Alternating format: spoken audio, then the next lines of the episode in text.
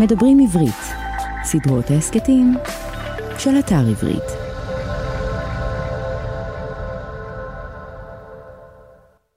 כשהייתי בת 16, נרשמתי ללימודי משחק מול מצלמה. הלימודים היו לימודי ערב והייתי מגיעה פעמיים בשבוע בשלושה אוטובוסים ממושב קטן בלב השרון הישר ללב תל אביב. הייתי נכנסת לשיעור אחר הצהריים ויוצאת ממנו בערב, מרוצה ורעבה. רעבה רעבה, לאוכל. ובשנקין, פינת יוחנן הסנדלר, הייתה, ועודנה, פיצריה. שילובי התוספות המשונים שהיו עליה עוד לא הגיעו לפריפריה, ומדי שבוע הייתי בוחרת לי שילוב מוזר של תוספות ואוכלת באוטובוס בדרך חזרה הביתה. ערב אחד, בזמן שהתלבטתי אם יש לי כבר מספיק אומץ לנסות ולקחת תוספת אננס או לא, ראיתי שצמוד לפיצריה ישנה דלת פתוחה ועליה איזה פלייר קטן שמזמין לעלות במדרגות. אז עליתי. למעלה היה מרכז לימוד של חסידות ברסלב.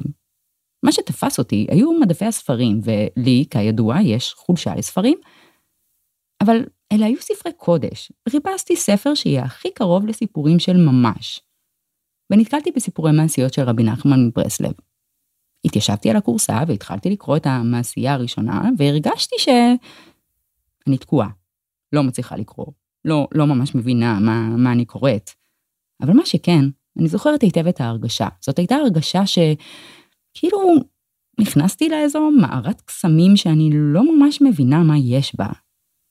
אבל היא מוארת ומורכבת, ושכנראה המשפט אה, כשתגדלי תביני תופס גם כאן. אז עזבתי את הספר, ירדתי במדרגות, קניתי פיצה, ריקה בלי תוספות מעליה, וחזרתי הביתה. במדרגות ההן, שהובילו למרכז ההוא, לא עליתי יותר.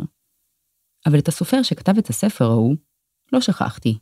ולאורך השנים אפילו ביקרתי אותו. באומן. ארבע פעמים. רגע, לפני שאתם בודקים שוב לאיזה פודקאסט נכנסתם, אז כן, אתם בהם מדברים עברית, סדרות ההסכתים של אתר הספרים עברית.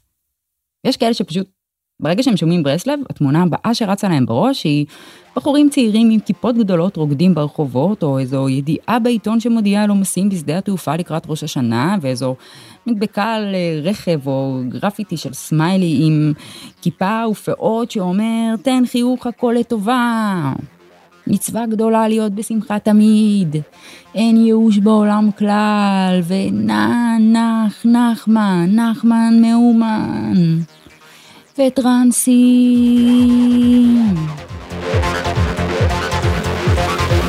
אבל בכל אלה לא ניגע בפרק הזה, כי כמו שאמרתי, מדובר בהסכת על ספרים. ובואו נעשה כבוד לסופר, משורר, פורץ הדרך אולי הגדול ביותר של הדורות האחרונים. לפני 250 שנה, ב-4 באפריל, א' ניסן 1772, נולד במאז'י בוז', עיירה קטנה במזרח אירופה, שדאז הייתה חלק מהאיחוד הפולני-ליטאי וכיום אוקראינה, ילד ג'ינג'י ושמו נחמן. לאביו קראו שמחה ולאמו פייגה. פייגה הייתה נכדה של הבעל שם טוב. סבו של נחמן מצד אביו, שגם לו קראו נחמן ועליו קראו את שמו, היה אחד התלמידים הבולטים של הבעל שם טוב. מה שנקרא שושלת מפוארת הייתה לו לנחמן. ואולי זה יכול להסביר את העובדה שכבר בגיל תשע הוא כתב את הספר הראשון שלו, רבי נחמן מברסלב היה משורר ענק שהשאיר אחריו אין סוף פתגמים שכל אחד מאיתנו, גם האדם החילוני, משתמשים בהם מבלי לדעת בכלל שמי שכתב אותם היה רבי נחמן. מכירים את המשפט, בכל העולם לא נברא אלא בשבילי? ואין אדם שלא מכיר את השיר. כל העולם כולו גשר צר מאוד, גשר צר מאוד, גשר צר מאוד, והעיקר והעיקר לא לפחד, לא לפחד כלל. הלחן של ברוך חייט, והמילים הם של רבי נחמן מברסלב. ובכלל, למוזיקה הייתה השפעה רבה על החיים שלו. בכתבים שלו הוא דיבר לא פעם על ניגונים, ובעיקר על הניגונים של הלב, על כך שלכל אדם יש את הניגון שלו. דע לך שכל רואה ורואה יש לו ניגון מיוחד משלו. ולא סתם אנחנו רואים כל מיני אמנים, בעיקר מוזיקאים, שחוזרים בתשובה דרך הכתבים שלו. ראו ערך אה, הבנאים המופלאים, אהוד, מאיר זיכרונו לברכה, אביתר, וגם את ינקרי, אה, שולי רנד כמובן, כמובן, ו- ועוד מלא, אוקיי? וגם בעולם הספרות, הסופר והמשורר פנחס שדה העמיק בסיפורים שלו. גרשום שוקן, עורך עיתון הארץ, כתב רבות על אביו ועל הגילוי שהיה לו עם רבי נחמן. הפילוסוף, מרטין בובר, חקר את כל משנתו של נחמן, תרגם וערך את הסיפורים שלו ואף כתב הקדמות לספרים שלו. אז מה יש בו ברבי נחמן שמצליח גם במרחק של 250 שנה לגעת ולהצית את האש בלב של כל כך הרבה אנשים? אולי זה היה העניין הזה שעל אף השושלת המפוארת שלו, הוא חי חיים פשוטים, עם קשיים וחולשות, והוא לא טייח כלום, לא ניסה לייפות שום דבר אף פעם. והחשיבה שלו הייתה פורצת דרך. הוא היה דוס, אבל דוס מתקדם. הוא היה רחוק מהמיינסטרים. הוא הלך עם האמת שלו עד הסוף, גם כשזה גרם ללא מעט אנשים בתקופה שלו להרים גבה ואפילו לצאת נגדו. הוא היה אדם של תרבות, הוא הקיף את עצמו בספרים. אמרו שהוא קרא את כל הספרים שיצאו בתקופה שלו, הכל, לא רק ספרים תורניים. הוא קרא את מסעות גוליבר ורובינזון קרוזו, הוא קרא ספרי שירה והתעניין בתפיסות העולם של הפילוסופים הגדולים שהיו בתקופתו. וזה אולי יכול להסביר את האינטליגנציה הרגשית הכל כך מפותחת שלו. הרי רק אדם סקרן, שמתבונן בבני אדם ללא קשר לדת, גזע או מין, יכול להיכנס לעומקים של נפש האדם. אבל שלא תחשבו שהוא היה כזה כבד, היה לו חוש הומור מפותח מאוד, ורואים את זה בסיפורים שהוא כתב. כשקוראים את הסיפורים ביידיש, רואים שכמעט כל משפט שלו נאמר בחריזה. ואולי הסופר היחיד שמאחורי כל מילה שלו בספרים יש משמעות נסתרת. בכל דמות, בכל חפץ, בכל פריט לבוש. הכל עם סאבטקסט. רבי נחמן מברסלב נפטר בגיל 36 משחפת. על אף זה שהוא נפטר בגיל כל כך צעיר, הוא השאיר אחריו ספרים וכתבים רבים שגם היום, בשנת 2022, הם עדיין רלוונטיים. שמיליוני אנשים שומרים מצוות, וגם כאלה שלא, קוראים בהם וחוקרים אותם מדי יום. אבל כמו שאמרתי קודם, הפרק הזה לא יעסוק בחסידות ברסלב, והוא כן יעסוק בסיפור אחד. יותר נכון, מעשייה אחת מיני רבות שכתב רבי נחמן מברסלב, והיא נקראת מעשה באבדת בת מלך. בכל ספר שאני מציגה בסדרה הזו, אני נכנסת קצת לעומק של הספר, לבין השורות, לכל מיני פירושים ולגילויים שאני רואה ומוצאת. רק שבמקרה הזה אני מרגישה שאני עדיין הילדה בת ה-16 שקוראת את המעשייה הזו לראשונה, ושקטונתי מלפרש את החוכמות והגילויים שמאחוריה, אז הבאתי איתי לעזר את מי שחי ונשם את רבי נחמן מברסלב במשך יותר מ-20 שנה, הלו הוא התסריטאי, סופר, יוצר תוכן, יועץ אסטרטגי, זה שיהרוג אותי על זה שאני מכניסה אותו תחת כל מיני טייטלים, יובל דיין. יובל הוא אחד מגדולי המייסדים של חסידות ברסלב בארץ, כך שאם למישהו יש שאלות, טענות ומענות אה, בנוגע לברסלבים, אל תפנו ליובל כי הוא עסוק כרגע בפניות קודמות, אנא נסו במועד מאוחר יותר, תודה. אבל אתם כן מוזמנים לפנות אליו בנוגע לסדנת הכתיבה המעולה שהוא מעביר. אבל רגע, לפני שיובל נכנס להעיף לנו את הסכך, נעבור על הפשט של המעשייה. את זה אני יכולה לבד, זה פשוט. טוב, אז מעשה במלך אחד שהיו לו שישה בנים ובת אחת. והמלך אהב את הבת הזאת יותר מכל ילדיו. הוא היה משתעשע איתה ונהנה איתה, עד שיום אחד הוא התרגז עליה ויצא מפיו המשפט, שהלא טוב ייקח אותך. בת המלך נכנסה לחדרה ולא יצאה משם. בכלל, כאילו, היא פשוט נעלמה. המלך חיפש אותה במשך שנים, והוא היה עצוב והתחרט על הדיבור הזה שיצא מפיו, ואז הגיע המשנה למלך, שראה את המלך עצוב וכאוב, ואמר שהוא יוצא לחפש אותה. הוא ביקש שלושה דברים, סוס, מעט כסף ומשרת שיהיה לו לעזר. וכך היה. המשנה למלך חיפש אותה במשך שנים רבות, עד שיום אחד הוא הגיע למבצר ענק ויפה, עם צבא וחיילים שמקיפים את כולו, הוא היה בטוח שלא ייתנו לו להיכנס, אבל להפתעתו, הוא נכנס מבלי שאף אחד עיכב אותו. הוא נכנס למבצר, מסתובב בין החדרים, לפתע הוא רואה חדר גדול ויפה עם אוכל ומשוררים, ואת המלך יושב לו. לא המלך ולא אחרים שאלו אותו מה הוא עושה שם, אבל הוא ככה התיישב בצד, חשב בינו לבין עצמו אה, מה הוא הולך לעשות, ופתאום המלך ביקש לקרוא למלכה, והנה המלכה באה. ומזאת המלכה, כמובן, בת המלך העובדת. בת המלך תסתכלי על האדם הזה ששוכב לו ככה בצד ומסתכל על כולם, היא החליטה לגשת אליו. היא שאלה אותו, אתה מכיר אותי? והוא ענה לה שכן, את בת המלך שעבדה, מה את עושה כאן? היא ענתה לו שכשאביה זרק את המשפט הזה שהלא טוב ייקח אותך, זה אכן מה שקרה, כי המקום הזה שהם נמצאים בו הוא לא מקום טוב. הוא שאל אותה, מאיך אפשר להוציא אותך מכאן? והיא אמרה לו שהוא צריך לשבת במקום אחד שנה שלמה ולהתענות, וביום האחרון לצום, ורק ככה הוא יכול להוציא אותה. וכך היה. רק שביום האחרון של אותה שנה הוא ראה עץ תפוחים גדול, והוא התפתה לאכול ממנו, והוא נגס בתפוח ונפל לשנה עמוקה של שנים. יום אחד הוא הקיץ משנתו ושאל את המשרת, איפה אני בעולם? והמשרת סיפר לו את כל מה שקרה, והוא הצטער מאוד על זה שהוא לא הצליח להוציא את בת המלך העובדת מהמבצר, והוא הלך אליה וביקש את סליחתה ושאל מה אני יכול לעשות בשביל להוציא אותך מפה. ושוב, היא אמרה לו שהוא צריך שנה שלמה להתענות, וכולי וכולי וכולי וכולי וכולי, אבל הכי חשוב שביום האחרון של השנה אסור לו לישון. והוא אכן התענה, שנה שלמה. ביום האחרון של השנה, רגע לפני שהוא יוצא אל בת המלך, הוא רואה מעיין מלא ביין אדום, נוגע מהיין ונופל שוב לשנה של שנים. ובת המלך נאלצה לעזוב את המבצר ולעבור למקום חדש, ובדרך למשכנה החדש היא ראתה את המשנה למלך רדום ואת המשרת שסיפר לה מה קרה. והתחילה לבכות. והיא בכתה לתוך המטפחת שלה, ומשהו קרה שם, איכשהו הצליחה לכתוב עם הדמעות שלה מתוך המטפחת, היא הניחה את המטפחת על ראשו והלכה. שוב הוא הקיץ משנתו ושאל את המשרת, איפה אני בעולם?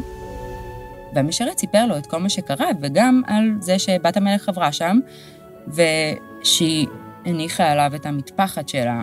אז הוא לקח את המטפחת, פרס אותה אל מול השמש, וראה שכתוב שם שהיא עברה למקום חדש. הר של זהב ומבצר של מרגליות. שם תמצא אותי. ושוב הוא הולך שנים רבות ונתקל באדם שממונה על החיות ושואל אותו אם הוא יודע איפה נמצא הר שעשוי מזהב ועליו יש מבצר שעשוי ממרגליות, והממונה על החיות אומר לו שאין דבר כזה, שהוא מדמיין, אבל אז הוא פגש בממונה על העופות. הוא הפנה אליו את השאלה, כי העופות אה, עפים בשמיים, אולי הם מצליחים לראות משהו שהוא לא רואה על האדמה, אבל גם משם לא בא ישוע. או אז הוא פגש את הממונה על הרוחות.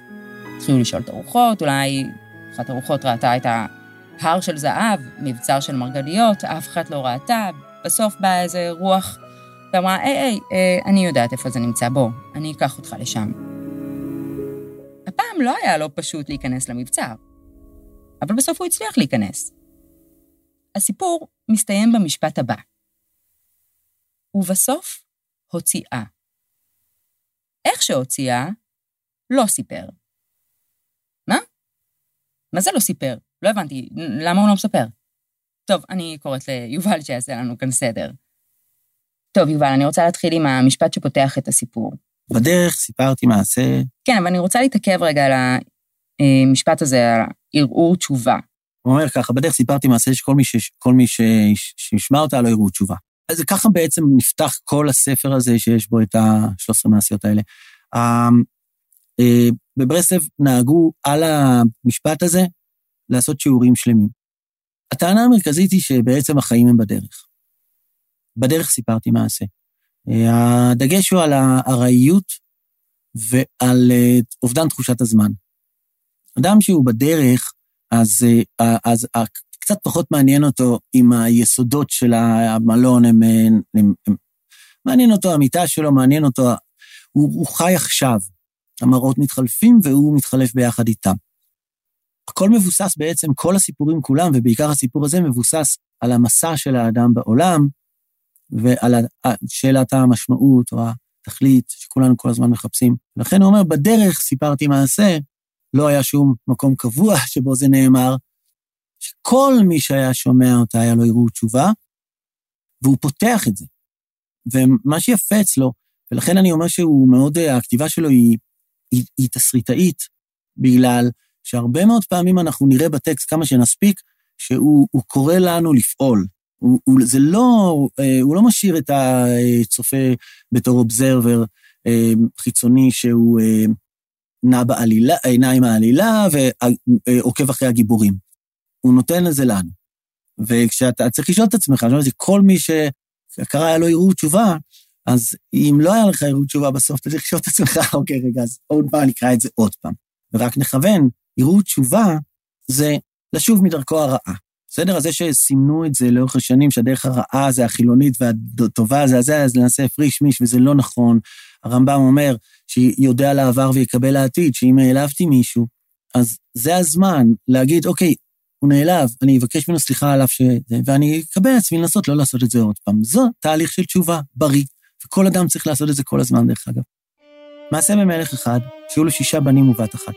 תראי איך בתור התחלה הוא כבר, הוא, הוא כבר פותח באירוניה. כי הסיפורים הידועים הם על מלך שיש לו המון בנות ואין לו בן, והוא מחכה שיהיה לו בן, והיורש העצר וזה. אבל הוא, והוא גם, הוא אוהב את הילד יותר מאשר, זה מקובל אז, שהבנים זה העניין. רבי נחמן הופך את זה. יש לו שבעה בנים, אבל יש לו בת אחת, והוא אוהב אותה. מאוד מאוד מאוד, והמשעשע עימה כל הזמן וכן הלאה. טוב, הרמז או ההפניה כאן היא ברורה מאוד לשישה מעגלים והנקודה, שבעצם כל עולם הקבלה בנוי, שזה אה, שבע הספירות התחתונות, שבעה, שבע, שבעת ימי השבוע. שישה בנים ובת אחת, זה יום ראשון, שני, שלישי, רביעי, חמישי, ושבת באמצע. שבת, נקבה.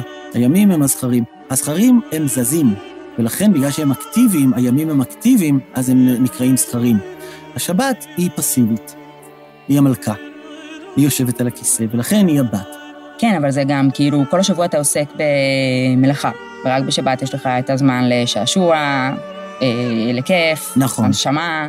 לנוח. נכון, יפה. רק אנחנו, אנחנו צריכים לכוון כאן אבל דבר אחד. סיפורי מעשיות משנים קדמוניות קוראים לדבר הזה. שאלו אותו מה זה משנים קדמוניות, אז הוא אמר לפני שנברא העולם. לפני שנברא העולם. ומה הוא רוצה להגיד בעיניי, לדעתי? הוא רוצה להגיד, אני רוצה לרדת עכשיו אל המטה. הסיפורים האלה הם במטה. הם למטה, למטה, למטה, למטה, זה פועל בכל אדם כל הזמן בלי הפסקה, זה על התהליכים הנפשיים שלכם, ולכן מלך אחד, מעשה במלך אחד, זה תמיד אלוהים. אוקיי, יום אחד, פתאום הוא כעס עליה מאוד, ונזרק מפיו הדיבור שהלא טוב ייקח אותך, בלילה הלכה לחדרה, בבוקר לא ידעו היכן היא. נעלמה לו. המלך מאוד מאוד הצטער, הלך ענה וענה ולא ידע, ואז הבן, השני למלכות, הוא אמר, ראה שהמלך מצטער, אמר, אני אלך אה, לחפש אותה. ויצא לחפש ילדה אחת קטנה בכל העולם כולו, בלי GPS, בלי מפה, בלי שום רמז. הלך לחפש אותה. את מי? את הבת מלך שלו. זה סיפור על כל אחד שהולך לחפש את, ה, את הדבר הזה שהלך לו לאיבוד. את השאלה הגדולה, את המציאה הגדולה. ו, ו, וכולנו הולכים בלי שום דבר בעצם, בלי שום ידיעה מוקדמת. הוא ביקש רק דבר, שלושה דברים, הוא ביקש שייתנו לו סוס ומעות ומשרת, שיעזור לו. טוב, נהגו לומר בברסלב שהוא מבקש אם אפשר גוף וזמן לחיות ונפש, שתראה לו את הדרך. ולאט לאט לאורך הסיפור ככה שהוא מתקדם, רואים שהגוף נשאר, הוא משאיר את הסוס, הוא משאיר את המשרת, הוא בעצם לאט לאט הופך להיות אחדותי. והוא מתחיל לצאת למסע מאוד ארוך. ו, ו, ורגע לפני המסע, לפני שרבי נחמן מתחיל לספר לנו על המסע, הוא אומר, הנה אני פשוט מקריא רגע, הוא אומר ככה, עמד השני למלכות, וחמת שראה שהמלך מצטער מאוד, הוא ביקש שייתנו לו משרת וסוס ומעות על ההוצאות, והלך לבקשה. והיה מבקשה מאוד, זמן מרובה מאוד עד שמצאה. אתה מספר איך ביקשה עד שמצאה, והיה הולך ענה וענה מדבריות וכן הלאה. לפני שהוא מתחיל את הסיפור, הוא כבר עושה ספוילר. הוא אומר, דבר ראשון, תדעו לכם, הוא מצא אותה, אוקיי? עכשיו בואו נספר לכם איך הוא מצא אותה. להורות שמה, לדעתי, למה בן אדם עושה את זה, סופר עושה את זה? בשביל להוציא את העוקץ. להגיד, תקשיבו, אל תחכו לסוף, כי הדרך היא החשובה. בסוף תציעו, יהיה בסדר, אתם כולכם תצליחו למצוא את מה שאתם מחפשים, אבל תקשיבו לדרך. כן, אז מההתחלה הוא כבר אומר לכם, וזה יסתיים טוב, ועכשיו תהיו איתי בבקשה. אוקיי, אז מה הוא עושה בסוף? בסוף הוא עושה את הטריק הכי גדול בעולם. הוא לא מספר. אז זה גם קשור לדרך? הייתי מספר את זה לילדים שלי, כל שבת, היינו עברנו על זה מלא פעמים. וכל פעם הם היו שם מגיעים, הם היו בוכים לי. אבל אבא, אבל איך הוא הוציא אותה? אני לא יודע. טוב, אני הייתי אומר להם ככה, אתם יודעים למה הוא לא סיפר? הוא לא סיפר כדי לכוון על דרך אחת, שהיו, כולם אומרים, אוקיי, אז זאת הדרך. הוא רוצה להגיד בעצם בסיפור שלכל אחד יש את הדרך שלו. כל אחד צריך להבין שהדרך שלו מיוחדת ונכונה, כי היא שלו, ואין עוד אחד בעולם שיכול לפסוע בדרך הזאת. אדם יכול, אין דרך טובה או רעה, יש דרך מכובדת, ויש דרך שאדם משחיר אותה, במעשיו, בחוסר תשומת לב, ואלף ואחד דברים. עכשיו, כולנו כל הזמן חסרי תשומת לב, ולא שמים לב, ואנחנו כן, אבל יש מי שהולך בדרך שלו מודע. ואלוהים כבר מכוון, שהוא יחזור אל המקומות, ומי שלא הולך מודע, אז לא יאשים אף אחד. אמ, לאורך הסיפור הוא פוגש כל מיני בחינות, אבל הבחינות האלה מאוד מיוחדות. הבחינות אומרים כאילו על צורות הסתכלות, אבל הן מאוד מיוחדות, כי כל פעם מחדש הוא צריך להתעמת עם משהו בתוכו. והוא לא מנצח אף אחד, הבן מלך, הוא מנצח רק את חוסר האמונה שלו. אה, מאז כבר יש כל כך הרבה סיפורים כאלה לאדם שצריך להאמין בעצמו כדי שזה יקרה, אבל כאן זה מאוד מדויק. זה הולך כל הזמן אל המקום של מבחוץ. המסקנה היא מאוד ברורה, כולם אומרים לו, סתם שטות אמרו לך, אין בעולם בת מלך, היא לא קיימת. והניסיון הוא בעצם לא משתנה, כולם אומרים לו איננה, אבל כל פעם הוא שומע את זה ממישהו הרבה יותר גדול, הרבה יותר חכם, הרבה יותר צדיק, עד שהוא כבר שומע את זה מהשר שממונה על כל הרוחות שבעולם. ורבי נחמן רומז נורא יפה, והוא אומר, הקושי הוא תמיד אותו קושי, אבל הוא מתחלף בערכאה. וככל שאתה תתקדם בחיים, הלא, הוא יבוא פשוט ממקום הרבה יותר חזק. יבוא, כשאתה ילד ואומרים לך אין אלוהים, אז הילד אומר אין אלוהים, הוא שמע את זה מאבא שלו. אבל כשאתה פרופסור אומר אין אלוהים, זה כבר שונה לגמרי. שולי סיפר ש... שהוא רק יצא וזה, הוא הלך להצגה של חנוך לוין, והוא יצא מההצגה, אני לא זוכר אחת מההצגות, שהוא יצא מההצגה והוא לא, יד, לא ידע את נפשו, שיש מישהו בעולם שמדבר ככה על אלוהים, על אמונה, הוא לא האמין שזה יכול להיות. כל כך גרוע, כאילו... לאורך כל הסיפור מתעוררות שאלות. השאלות האלה הן לא סתם, השאלות האלה הן בעצם נטועות בתוך הסיפור כדי שהאדם ישאל את עצמו. הסיפורים האלה הם סיפורים הם, שהם הם פחות קריאים, נגישים לאדם שקורא אותם ככה, והם הרבה יותר נגישים בחברה, בקבוצה, שמנסים לפתוח את הדברים. פעם אחת, אה, אני הייתי משחק עם הילדים שלי המון עם הסיפורים האלה. בן מלך, כשהוא אה, מחפש אותה המון המון זמן, והוא לא מוצא. ביער, במדבר, בערים, הוא לא מוצא. ויום אחד הוא הולך ופתאום הוא רואה שביל מן הצד. ואז הוא אומר, באשר אני הולך ככה בזמן במדבר ולא מוצא אותה, אולי אני אלך בשביל מן הצד. וזה היה יום שישי, ו... וישבתי עם הילדים, סעודת שבת, ואמרתי להם, אתם יודעים, יש לי שאלה, בואו נראה אם אתם... אה, זה. הוא הולך במדבר, ופתאום הוא רואה שביל מן הצד, והוא אומר, אה, פתאום יש שביל מן הצד, אולי אני אלך לשם. ואני רוצה לשאול אתכם, איזה צד? זה מדבר. אז מה זה שביל מן הצד? אז מה זה הצד? איזה צד של מדבר יש? כאילו, זה לא... אז הם לא ידעו. אז הוא אמר, אה, זה זה, לא, נתנו כמה תשובות, ובסדר, אמרתי להם, תחשבו. ואז אה, כשהלכתי למטבח, אז משהו, אז אה, נתן היה קטן ובא ככה, הוא אמר, אבא, אני רוצה להגיד תשובה, אבל אני מתבייש שהם לא... להגיד שאני... אולי אני טועה. אמרתי לו, טוב, אין טעויות כאן, תגיד. אז הוא אמר, כשכתוב שביל מן הצד, אז אולי זה לא מהצד של המדבר, אולי זה מהצד שלו. אמרתי, יואו, איזו תשובה יפה, שאדם יכול ללכת כל החיים שלו ולא להבחין שפה, פה, יש שביל קטן.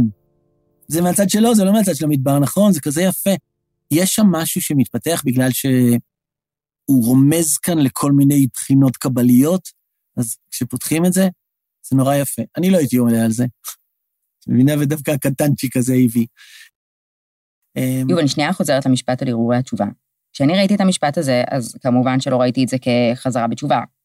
אני ראיתי את זה יותר תשובה מהמקום של להשיב משהו. זאת אומרת, אתה הולך בדרך, מה אתה מחפש? אתה מחפש להשיב משהו, כאילו משהו שעבד. אז זהו, או, תודה רבה. זהו. אז זהו, להשיב דבר למקומו. לא דבר שעבד לי. זה אבדה, זה משהו אחר. את לא משיבה אבדה, את מוצאת אבדה. אם את לא, אם, אם, אם, אם אבדה היא לא באה בהיסח הדעת, שפתאום את מוצאת אותה, זה לא אבדה, את יודעת איפה זה. אמ, יש איזשהו בלבול, לדעתי, בין, בין, שתי ההגדרות האלה, שהוא בלבול משמעותי מאוד בהמשך. אני לא מחפש את מה שעבד לי. התשובה זה לש, להשיב, אה, איך אה, הזוהר אומר, אמ, להשיב אה, כל דבר למקום שממנו נזרק. זה לשים את הדברים במקום, להשיב למקום, זה לא משהו שעבד לי ועכשיו אני צריך למצוא אותו ולהחזיר אותו אליי. זה אף פעם לא... כן, זה קצת מההבדל בין געגועים לכיסופים, שגעגוע זה למשהו שכבר ראית והיית וחווית והוא כבר לא איתך, אז אתה מתגעגע, וכיסופים זה למשהו אתה לא, לא, לא פגשת. נכון. אבל כן יש לך געגוע, כאילו הלב, ה- הלב מוביל כאן תכלס, לא הגוף. נכון, נכון. לכן הסיפור הזה מכוון על בדרך. בדרך הוא, אין לכם, בסוף תוציאו. אל תגיד. כן, אבל מה אני אהיה? כאילו, מה לעשות? לא, לא לעשות כלום, להיות פה. בדרך, אדם צריך לקחת את עצמו, זה מה שיש לו, ועם זה הוא נוסע. אה, את לא לוקחת, מה שאת לא לוקחת לדרך, זה את הדבר הכי חשוב, את השם שלך. כשאת נמצאת במקום, את יודעת שקוראים לך צוף. את יודעת שקוראים לך צוף בגלל שאת זוכרת את כל רצף, את הרצף ההיסטורי שלך. כי אם את תאבדי לרגע את הרצף ההיסטורי שלך, זה ממש מפחיד, מאוד מאוד מאוד. אמ, אבל זה לא מספיק. את צריכה שאחרים יאשרו את שמך. את צריכה שאנשים גם יגידו צוף וידעו שזה קשור בסיפור של צוף. כשאת מגיעה למקום חדש, הסיפור שלך לא הולך איתך. אז שלום, אני צוף. אוקיי, עכשיו אנחנו צריכים שייקח זמן עד שהשם שלך יקבל את הסיפור, ואז אנחנו גם נאשר שאת זה הסיפור שלך. ולכן אדם לא לוקח את שמו לשום מקום, את הסיפור שלו לשום מקום, רק את שמו, וזה מפחיד נורא. הסיפורים שלו גורמים לאדם לערער בסיפור של עצמו. הסיפורים שלו לא מוכרים סיפור חיצוני, יותר גדול ועוטף. יש לי אה, תרגיל, שאנשים יש להם אה, תמיד שאלות גדולות. תרגיל. בלילה לפני שהולכים לישון, שכל אחד ייקח דף ועט ויכתוב ארבעה דברים שהוא רוצה שיגידו עליו בלוויה שלו. שהוא היה חושב שכדאי, שאיזה כיף אם היו אומרים עליי את זה, נכון? לא יגידו עליי שהייתי נוהג מהר, וואי, איזה חתיך הוא היה, לא. דברים אמיתיים כאלה, הוא היה תמיד עוזר, הוא תמיד זה. ואת הארבעה דברים האלה, בואו ננסה שבוע אחד רק לפחות להיות הארבעה דברים האלה, אם אנחנו כל כך שואפים. אנחנו לא שם. אנחנו, רוב האנשים שינסו את זה יראו שהם לא יצליחו, אפילו לא יום, לא שבוע. זה לא בגלל שאנחנו לא אנשים טובים. זה בגלל שאנחנו לא, איזה דרך, מה הדרך? אני לא, אין לי, אין לי זמן לדרך. אני רוצה כמה שיותר מהר ולהתלונן בדרך שלא נוח ולחלום על הג'קוזי במלון. כשהיינו נוסעים לאומן, אנשים חשבו שיש סגולה בקבר, שאם אתה נוגע בקבר, אתה קרוב, לא יודע, כאילו שזה אבן החכמים של הארי פוטר. והייתי אומר להם כל הזמן, בדרך. אתם שומעים מה זה בדרך? אתם הצלחתם לקחת את הבהמה הזאת, את הגוף הזה, ולהביא אותו אחרי הרוח, כי פה אין ג'קוזים, אין סקי, אין כלום, יש תפילות. אז תראו מה עשיתם. עכשיו, תתפללו, לא תתפללו, ת... מה זה משנה? תחזרו הביתה. גמרנו, אתם לא צריכים כבר שום דבר לעשות. את הרצון הראיתם לעצמכם שאתם יכולים לעשות משהו רק בגלל שהרוח חזקה. כי לנסוע לסקי זה קל. בדרך הזה הוא משמעותי מאוד מאוד, מאוד. יש פס... במעשייה הזאת, בסיפור הזה, כל כך הרבה, שזה לא כמו סיפורת קלאסית שאפשר להגיד, אוקיי, על מה זה. אני פשוט שמעתי אותך עם האחרים, אני, אני קצת מתבייש, כי אין כאן עומק, את יודעת, זה, זה, זה על כל דבר שניקח, בגלל שהוא יצר איזושהי מערכת של מראות כאלה, שבעצם אדם צריך להסתכל, אם הוא מעמיק, הוא רואה את עצמו, זה חוזר אליו. הוא אומר, אוקיי, יש שם קטע שהוא מגיע לאיזה ארמון, ויש שם המלך הרע שם, והמלך עושה מסיבה גדולה, ואף אחד לא שואל אותו, הוא נכנס בחינם הכל, ואוכל ושתייה, ופתאום הוא רואה את הבת מלך. הרגע שיביאו אותה, והוא מסתכל ומכיר אותה. ואז היא מסתכלת עליו, והיא באה אליו, והיא אומרת לו, אתה מכיר אותי? הוא אומר לה, בטח, את הבת מלך שנאבדה, איך הגעת לפה? זה באמצע הסיפור. עכשיו, יש את התהליך הראשון שבו הוא מנסה להוציא אותו ולא מצליח, והיא בורחת, והוא לוקח...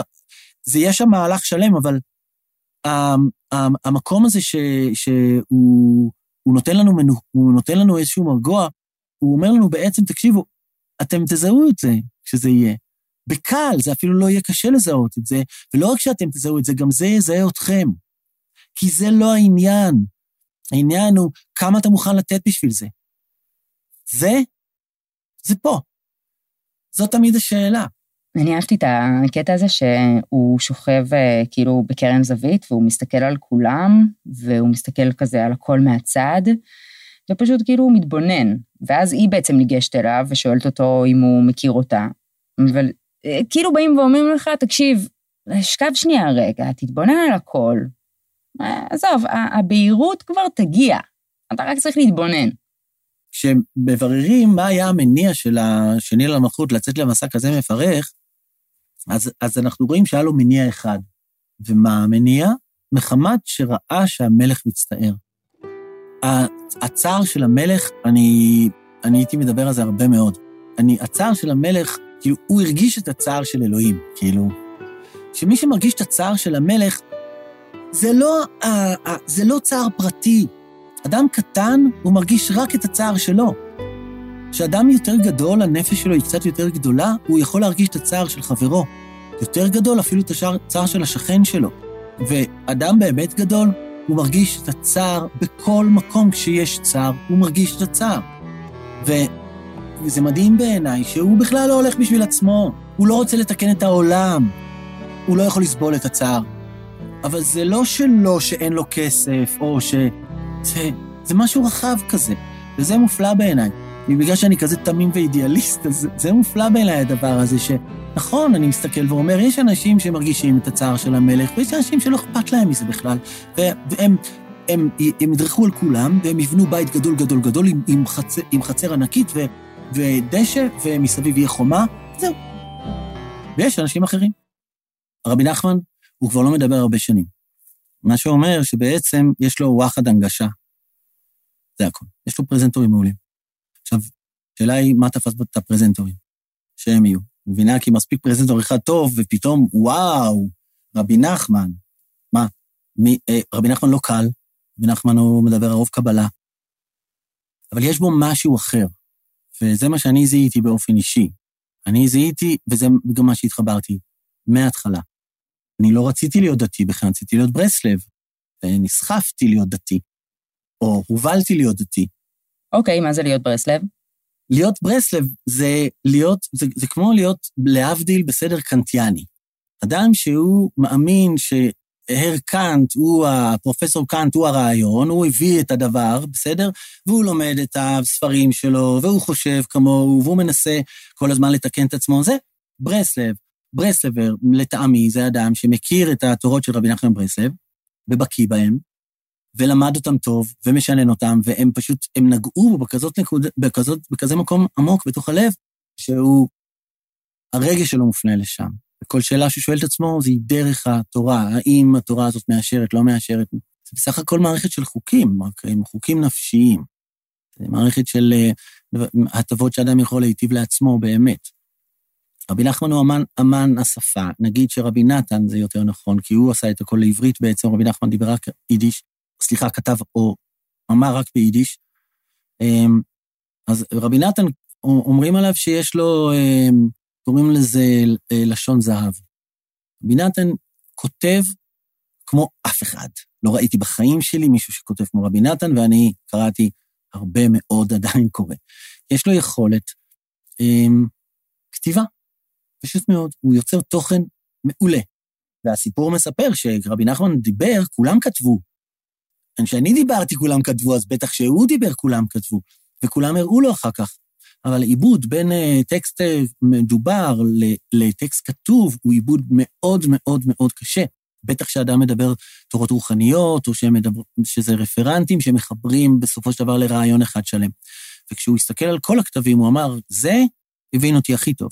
כי רבי נתן הוא ידע לכתוב, לצמצם את הדברים ולתת, הוא היה אחלה ממתג, היום, בטח. יש אצל רבי נחמן מנעד בין הצד הכהני שלו, הדתי החרדי נקרא לזה היום, לבין הצד היצירתי שלו, הרוח הפתוחה שלו, שהוא פתוח על כל העולם. כשאני קורא היום בתיקותי מוהר"ן, ואני מעז לקרוא את זה לא בעיניים אה, חרדות, אז אני לאורך השנים, היום אני מעז להודות, גיליתי ש... שרבי נחמן כל הזמן בעצם הוא אה, עונה לפילוסופים הגדולים שחיו בתקופה שלו, לפילוסופים הקדומים יותר, לכל מיני דעות שהסתובבו בעולם. כן, אבל ברסלב לא יודע. ברסלבר היום שבא ממאה שערים, הוא לא יודע שרבי נחמן בעצם מדבר אה, או מחזיר תשובה לאריסטו. הוא לא יודע מי זה אריסטו. הוא היה אריסטו היוון, יימח שמו, זה מה שהוא יודע. ניטשה, רשע, אה, קאנט, רשע, רשע, כולם רשעים. אבל הדו-שיח הזה הוא מאוד מאוד מעניין. הוא בעצם אקזיסטנציאליסט, פילוסוף אקזיסטנציאליסט דתי. זאת ההגדרה שלו. והוא עושה דברים מאוד מאוד מעניינים, שכולם נוגעים תמיד ב... בקיימות, בשאלת האדם הבוחר, החופשי. אני חושב שכל אדם צריך אלוהים, אחרת זה חיה. אמונה היא מתקיימת רק בחלל הסובייקטיבי. ברגע שהיא הופכת להיות אובייקטיבית זה כבר לא אמונה, זה ידיעה. בדור שאנשים ניזונים מתת כותרות, העולם קורה בערוץ 2, 13, 12, 13, אז לדבר על אמונה זה מאוד מאוד קשה. אנשים לא מבינים על מה מדובר, וזה טעון בכמויות של רגש, וברגע לא, שהאדם מאתר שאתה לא נמצא בקבוצ, בקבוצה הספציפית שלו, העלבון כל כך גדול, שזה מיד, מיד הופך להתכתשות רגשית. אז אני אומר ככה, תראי, סיפורי מעשיות, בשביל זה התכנסנו, זה אחד הטקסטים הכי מעניינים שיש בעיניי בכל הכתבים. אפשר לבוא אליו מבחוץ, אפשר לקרוא את זה as is, לומדים את זה בכמה אוניברסיטאות בעולם בתור, אה, זה, זה הצעה לשפה שנייה, אז בסורבון לומדים את זה, אני שמעתי גם בברקלי, לומדים ממש את המעשייה הזאת שאנחנו עושים מבת מלך, כי יש בה המון דברים מאוד מעניינים. אה, יש טענה שרבי נחמן הוא בעצם הביא לעולם את הפלשבק, הסיפורי. לא היה לפניו. או שאני ככה שמעתי, יבואו גדולים, אני אשמח שיתקנו אותי, אבל הכתיבה של רבי נחמן, או לפחות במעשיות, היא, זה תסריט. זה הסתכלות קולנועית לגמרי, כל הזמן. זה מאוד מאוד מעניין ומאוד יפה. מעבר לזה שכל התורה, כל הסיפור מההתחלה ועד הסוף הוא רווי, רווי בקבלה. וכל הזמן הוא מרפרט עם, עם עץ חיים של הרב חיים ויטל, הספר המרכזי של הקבלה. תגיד, אתה גם ברביעי באפריל, נכון? ברביעי, כן, תאריך, של רבי נחמן בדיוק. ברביעי לרביעי נולדנו, אנחנו נולדנו יחד. לא, אתם גם ממש דומים. סתם.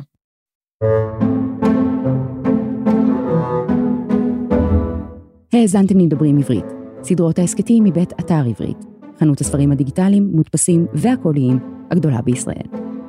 ספר זה וספרים נוספים מחכים לכם באתר עברית.